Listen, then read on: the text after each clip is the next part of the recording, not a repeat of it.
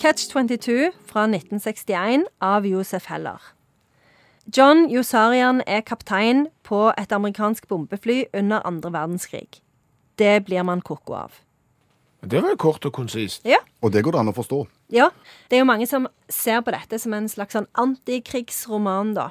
Eh, men samtidig er det jo òg en sånn en roman som er kritisk mot liksom hele eh, samfunnsoppbyggingen i USA da, på 1900-tallet, og, og, da særlig på den der byråkratiseringen av samfunnet, eh, som, som, var særlig kanskje tydelig på 50- og 60-tallet, eh, når han hadde liksom den kalde krigen og liksom kommunistfrykt og alt det der.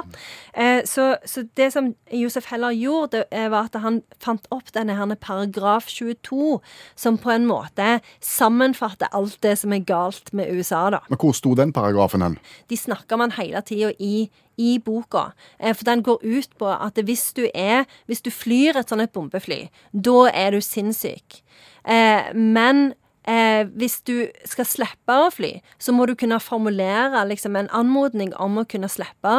Og hvis du klarer å formulere en sånn en anmodning, da er du rasjonell. Men det er mange som sammenligner det med liksom, at du, hvis du har mista brillene dine, så må du jo finne brillene, men du kan ikke finne brillene fordi at du ser jo ingenting. Så det er en sånn umulig situasjon, da. Forstår du dette? Ja, altså Jeg har jo ikke lest denne boka, men jeg har jo hørt Catch 22, og, og det er jo et begrep som blir brukt uh, ofte. og jeg har jo òg en sånn forståelse av hva det er. Sånn et paradoks.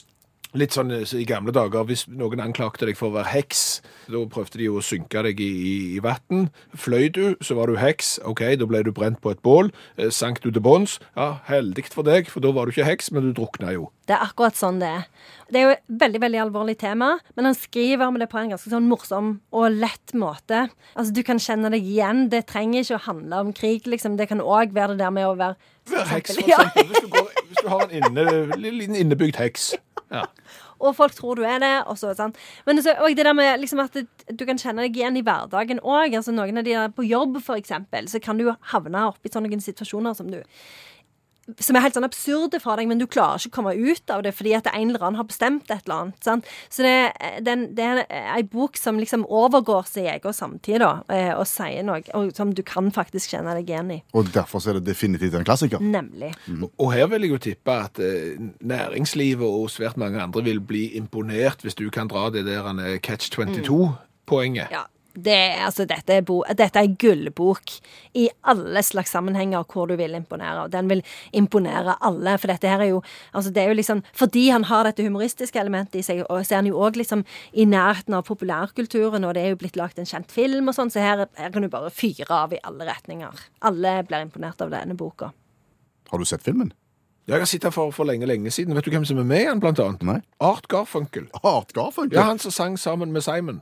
Mannen med verdens høyeste panne? Ja, stemmer. Verdens høyeste hårfeste. Han, han, han, er med. Han har en rolle. Masse kjente folk som er med i denne filmen. Han er ganske gammel, da, fra 1970-tallet, tror jeg. Men er det en eh, kjempealvorlig actionfilm, eller er det en, en slags satirisk komedie? Det er en satirisk komedie, og, og den er Det er lenge siden jeg har sett den, men den er Jeg husker at den gjorde veldig sånn inntrykk på meg, fordi at han, han, du ler, men samtidig så er det helt sånn Hodet ditt eksploderer fordi at det er så mye fælt. Du ler, og hodet ditt eksploderer. Catch 22. Ser du den? ja, det går ikke an. Et, et paradoks. Ja. ja. Litt som heks. Catch 22 kan brukes som alt. Så ja. utrolig nyttig. Mm. Ja. Men det, det, må ikke bli sånn Ole Brumm-begrep at du bruker det feil. Nei, eller liksom har det på plakater og sånn bokstaver i stua og sånn. Det, det, går ikke. Det er jo enda verre hvis du kombinerer Ole Brumm og, og denne boka. Det blir litt som et eh, Catch 22, sa Nasse til Ole Brumm. Det, det, går ikke. Dette er nå, nå, nå har vi sklidd ja. veldig ut her. Vil du være så snill å oppsummere verket for meg? Ja, altså Enkelt eh, fortalt så er jo det å fly bombefly under andre verdenskrig litt som å være heks. Enten så flyter du, og da blir du brent, eller så synker du til bunns, og så dør du allikevel. Ja, jeg syns det var kjempefin eh, sammenligning. Og det som òg er litt spesielt, er at dette skal jo foregå under andre verdenskrig, men nesten alle tankene og begrepene og referansene er til 50-tallet. Så det både er og ikke er under andre verdenskrig. Det er jo et catch 22. Tusen takk, Janne Stigen Drangsholt, forfatter og litteraturviter.